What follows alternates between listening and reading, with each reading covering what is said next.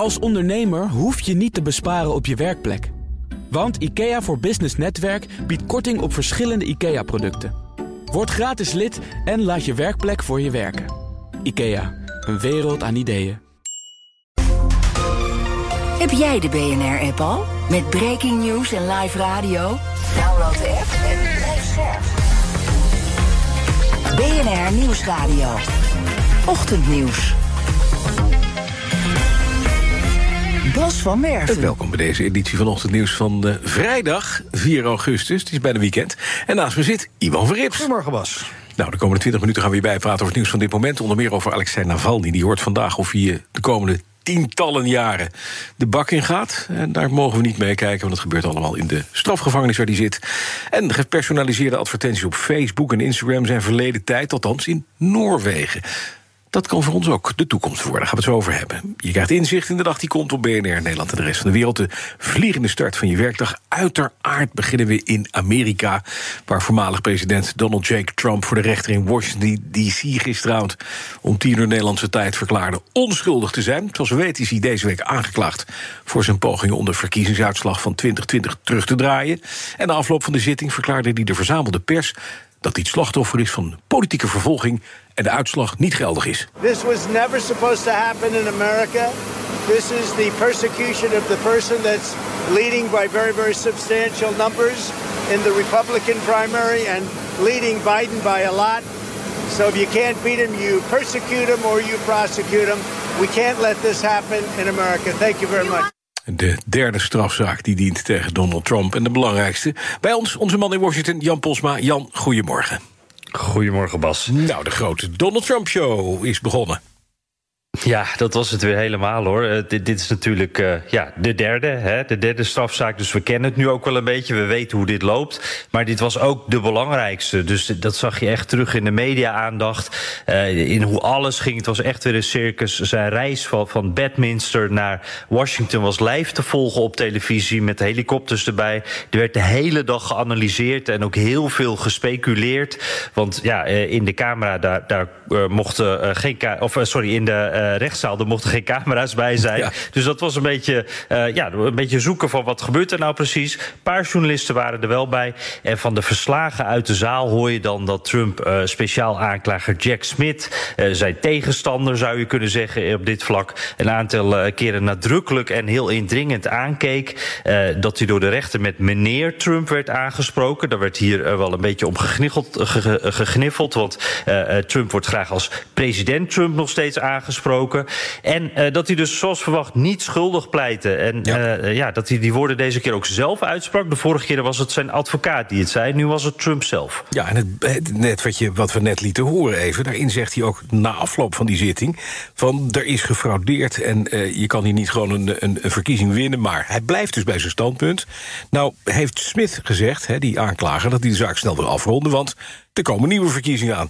De advocaten van Trump die hebben andere plannen, begrijp ik.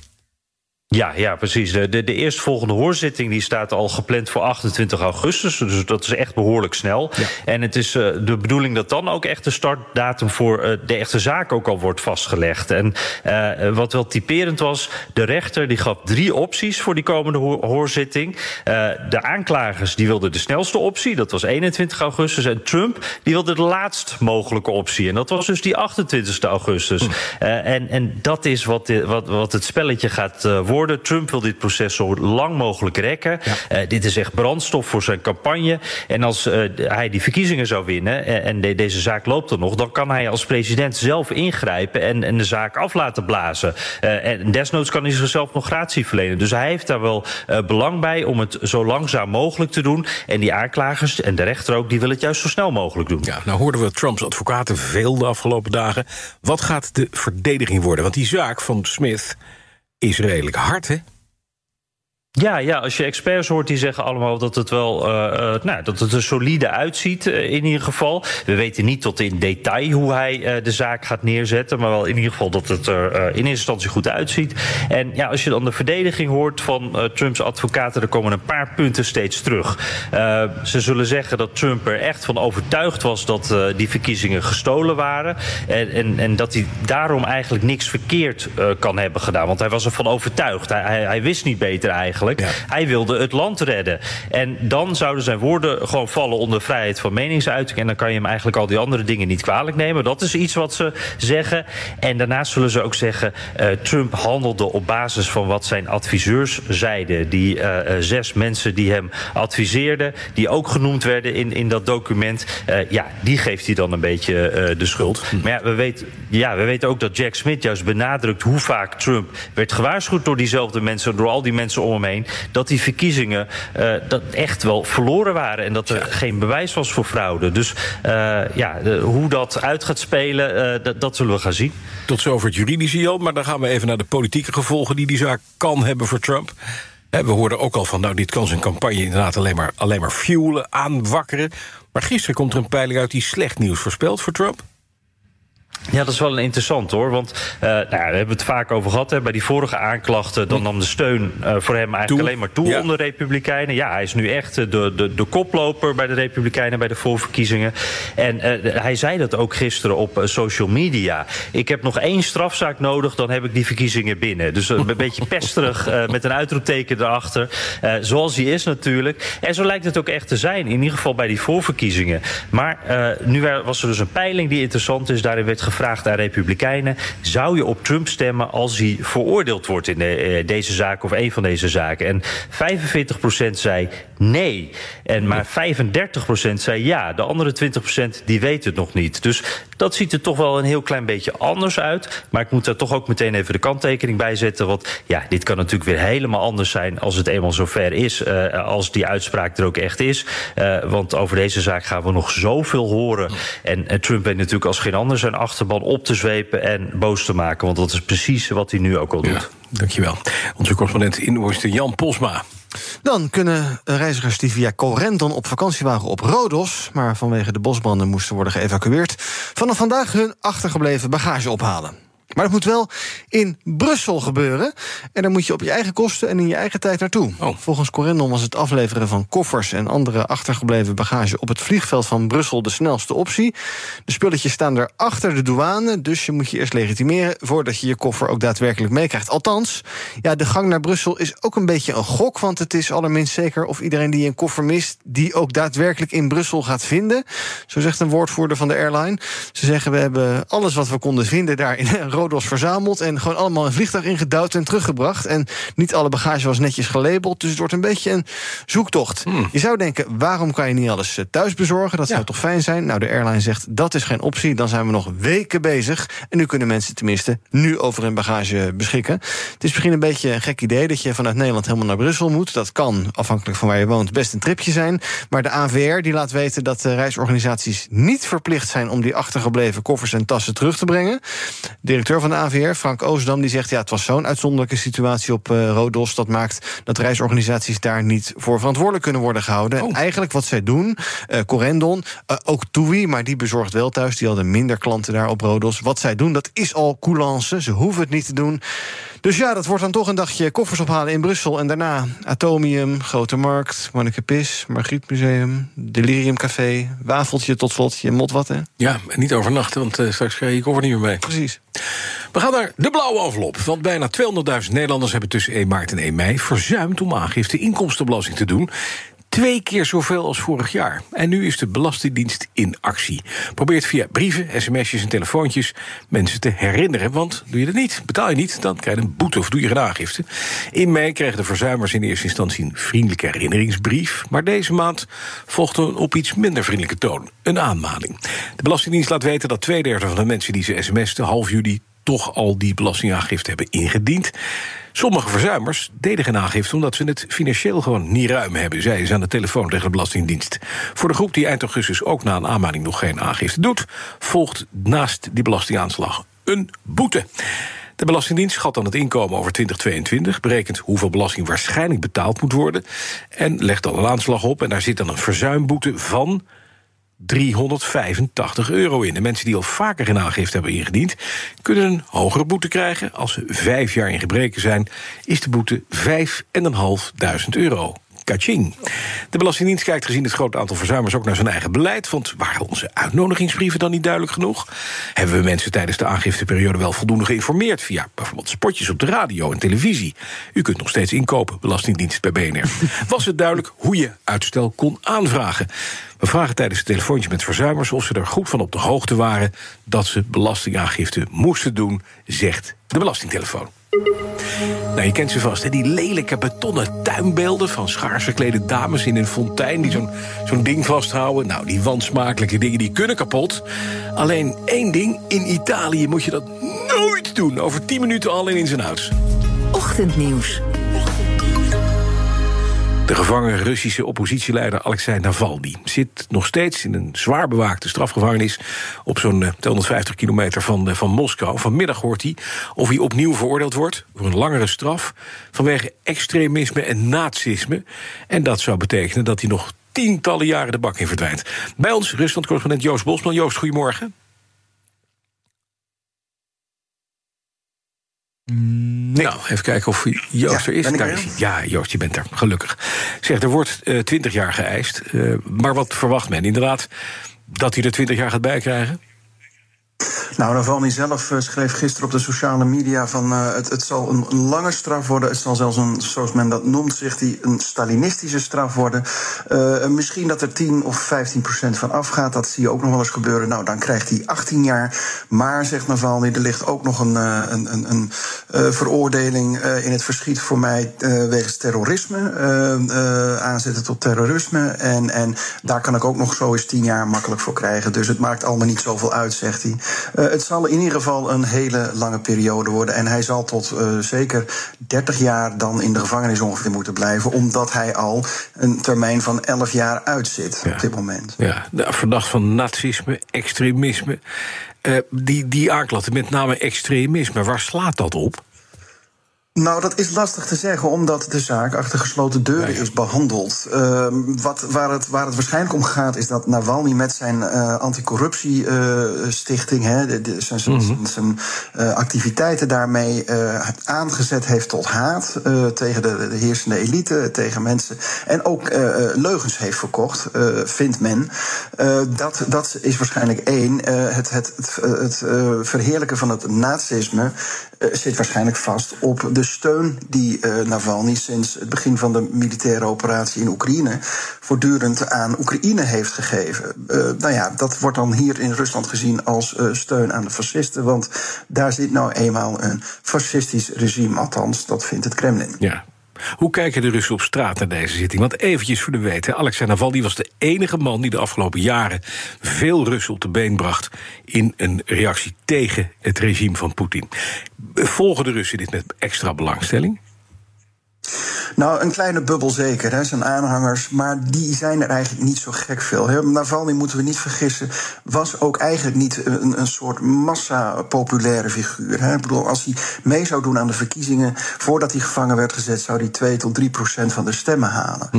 Um, nou ja, hij zit nu al een paar jaar gevangen. Hij krijgt absoluut geen aandacht in de staatsmedia. Die besteden hier helemaal geen aandacht nee. aan. Dus ja, voor de gemiddelde Rus is dit eigenlijk uh, ver van zijn bed... en, en zal dit niet echt uh, op de voet volgen, maar zijn aanhangers natuurlijk wel. En zeker ook in het buitenland wordt hij natuurlijk gevolgd. Ja, en op de socials, daar verschijnt hij nog regelmatig hè, met berichten. In aanloop naar deze dag heeft hij ook van zich laten horen. Wat, wat zei hij precies?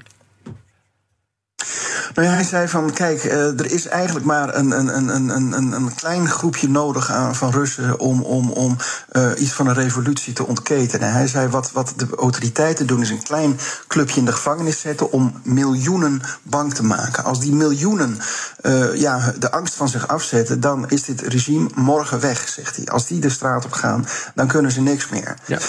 maar goed, hij zei, ja, het is, het is gebruikelijk dat dit soort regimes dat doet. Hè. Angst zaaien om een grote meerderheid uh, van de straat te houden. Uh, maar hij zegt: laat je niet bang maken. Doe kleine dingen. Hè. Praat met je buren over wat er in Rusland gaande is. Uh, spuit graffiti op muren. Ga desnoods ja, een beetje stiekem, maar ga flyer. Probeer flyers rond te, te, brengen. Dat soort dingen zegt hij: doe dat. En blijf dat soort van verzet, blijf dat plegen. Hm. En nu die rechtszaakje, ik zei het al, 250 kilometer ongeveer van Moskou af... in de strafgevangenis waar die is. Jij zei het al, achter gesloten deuren. We gaan er nooit iets van horen. We weten niet precies hoe en wat. En hij verdwijnt gewoon 30 jaar, punt.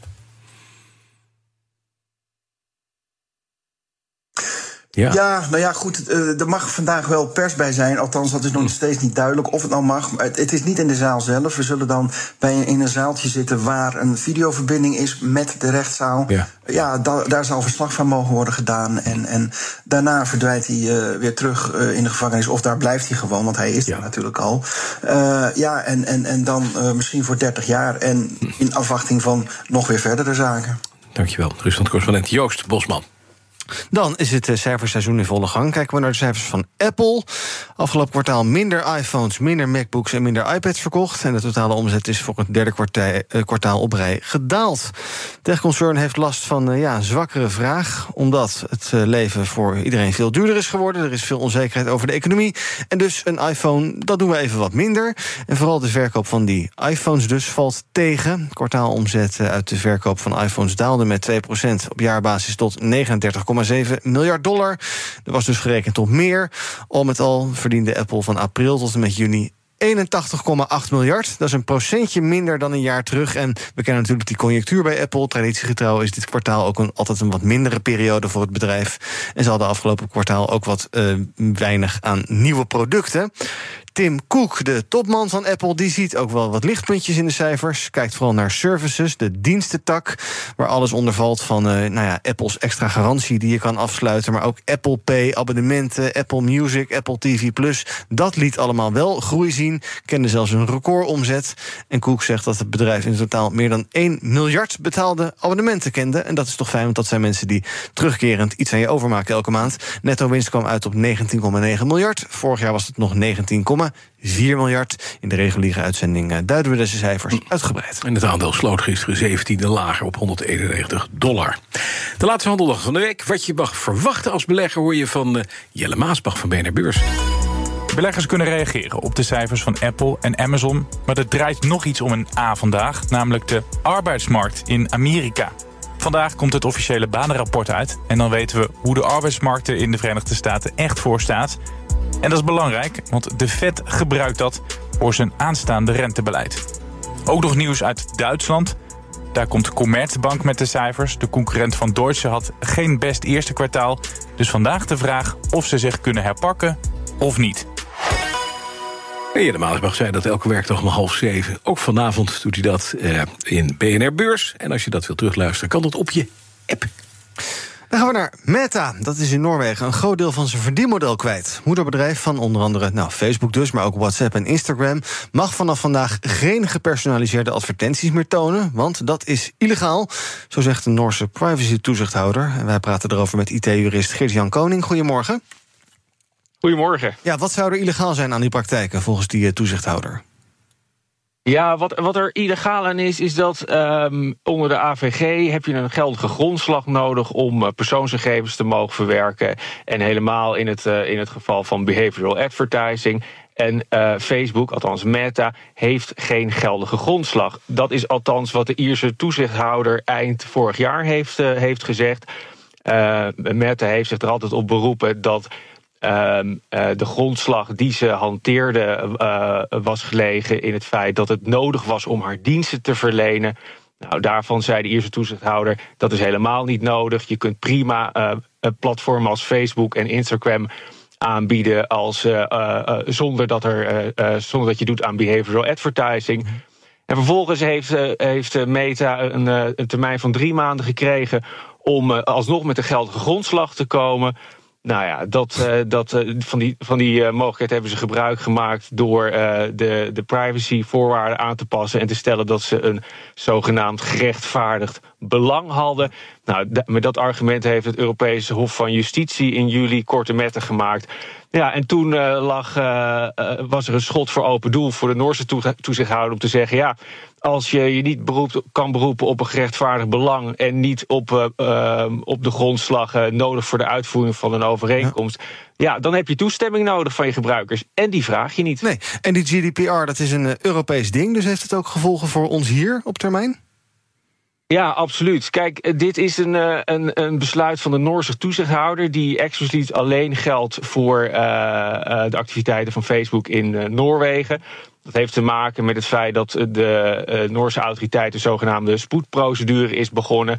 op grond waarvan ze de Ierse toezichthouder... die over het algemeen een vrij, ja, ik kan wel zeggen... lakse houding heeft ten opzichte van de grote techbedrijven... kan omzeilen.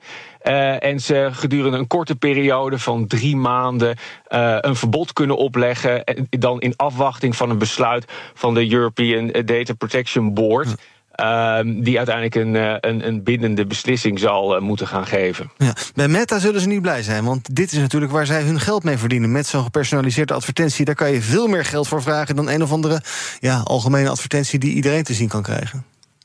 Ja, absoluut. Kijk, dit raakte Meta in het hart van haar businessmodel. Uh, ze zeggen zelf, geloof ik, dat ze voor ongeveer een vierde van haar advertentieomzet... dat ze dat in, uh, in Europa halen. Dus dat, is, uh, is dat voelen ze absoluut. Uh, aan de andere kant, vanaf de start van de AVG uh, in, uh, in 2018 was eigenlijk al duidelijk dat, dat Meta toestemming van haar gebruikers nodig had voor haar praktijken. En dat heeft Meta toch heel mooi vijf jaar weten te rekken. Ja, en dus geld verdient. Nog eventjes naar die rol van die en Ierse... dus geld verdient. Nog even naar die rol van die Ierse toezichthouder. Want ja, u zegt, de Noorse toezichthouder heeft nu drie maanden tijd... mag dit verbod invoeren. Het kan dus zijn dat de Ierse toezichthouder zegt... nou, we leggen dat fijn naast ons neer... en dan zijn we weer terug bij af. En is Meta weer blij.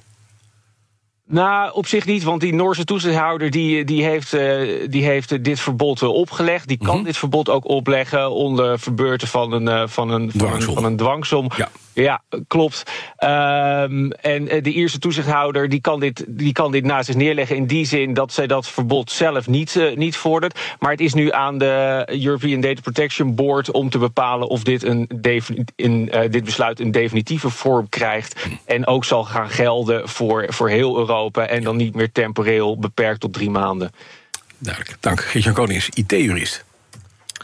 Ja, gewoon een wat opvallende fraudezaak momenteel. Een aantal Albert Heijnwinkels in de Randstad heeft last van klanten die ongebruikte flesjes voor dat zelfgeperste sinaasappelsap, hè, die dus gewoon leeg zijn, ja? die pakken die flesjes en stoppen ze daarna in de statiegeldautomaat.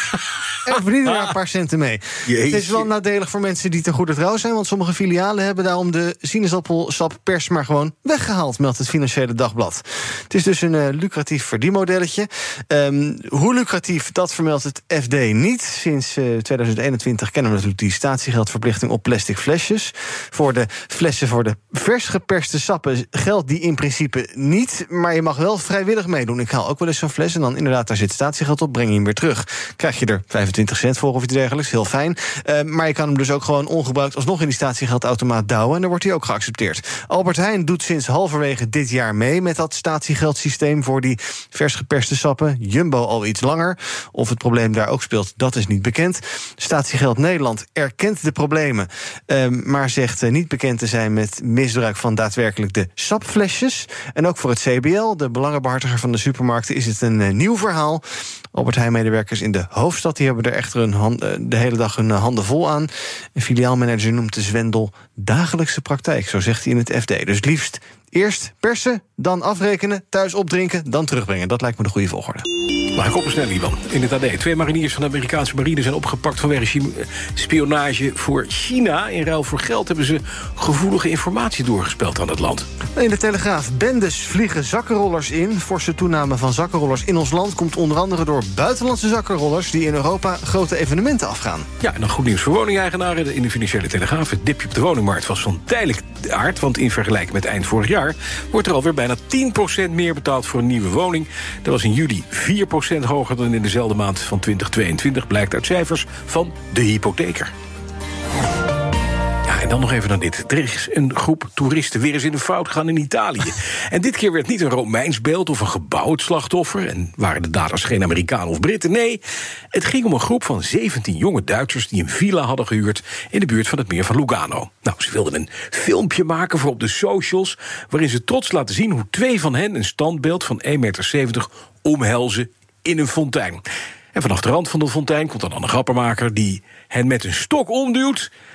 En daarmee nemen ze het beeld mee. Dat valt in Oh, grote brokken uiteen. Nou blijkt dat geen beeldje van de lokale Hornbach... Maar een 150 jaar oud sculptuur van de Italiaanse kunstenaar Enrico Butti... die in het dorpje een eigen museum heeft. Dat beeld is 200.000 euro waard. En alle 17 zijn nu aangeklaagd voor het mollen van het kunststuk. Het filmpje zelf plaatsten ze niet. Maar gelukkig hebben we de beelden nog... dankzij de bewakingscamera's van de villa. De Duitsers zijn hals over klop, over kop naar Duitsland gevlucht. Maar kunnen wel een rekeningetje tegemoet zien van 12.500 euro de man. Kan je bij de Hornbach twee betonnen fonteinen met beelden van kopen. Als ondernemer hoef je niet te besparen op je werkplek.